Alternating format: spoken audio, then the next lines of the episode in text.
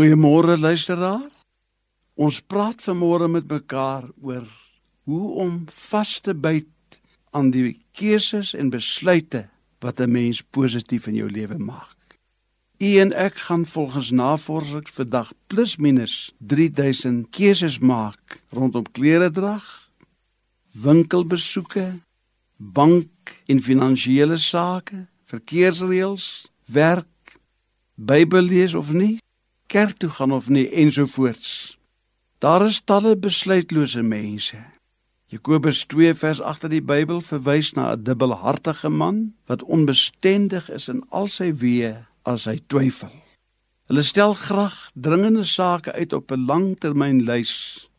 Hulle wou nog dit of dat doen. Hulle wou nog iemand gaan besoek. Hulle wou nog 'n belangrike telefoonoproep doen. Uiteindelik het daar niks van gekom nie. Hulle het nooit geleer om vas te byt om 'n besluit deur te voer nie. Om nie te besluit nie is ook 'n keuse. Elia het die Israeliete saamgeroep en aan hulle 'n belangrike vraag gevra. Hoe lank wil julle hink op twee gedagtes? Besluite kan goeie of swak besluite wees en ons moet besluit om reg te besluit.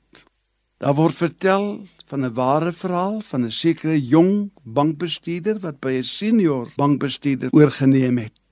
En hy wou van die senior man weet waaraan hy sy besondere suksesse in die bankwêreld toe kon skryf. En die senior bestuurder het vir die jonger een gesê: "Dit gebeur alleen deur goeie besluitneming." En hoe leer 'n mens, meneer, om goeie besluite te neem? Deur ondervinding, was sy antwoord. En waar leer 'n mens ondervinding, meneer? Deur swak besluite.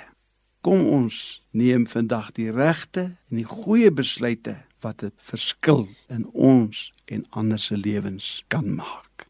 Troue Vader van ons Here Jesus Christus, aan die koning van die eeue, die onverderflike onsigbare God, alleenwyse God, kom toe die eer en heerlikheid van nou af tot in ewigheid. Help ons daartoe. Amen.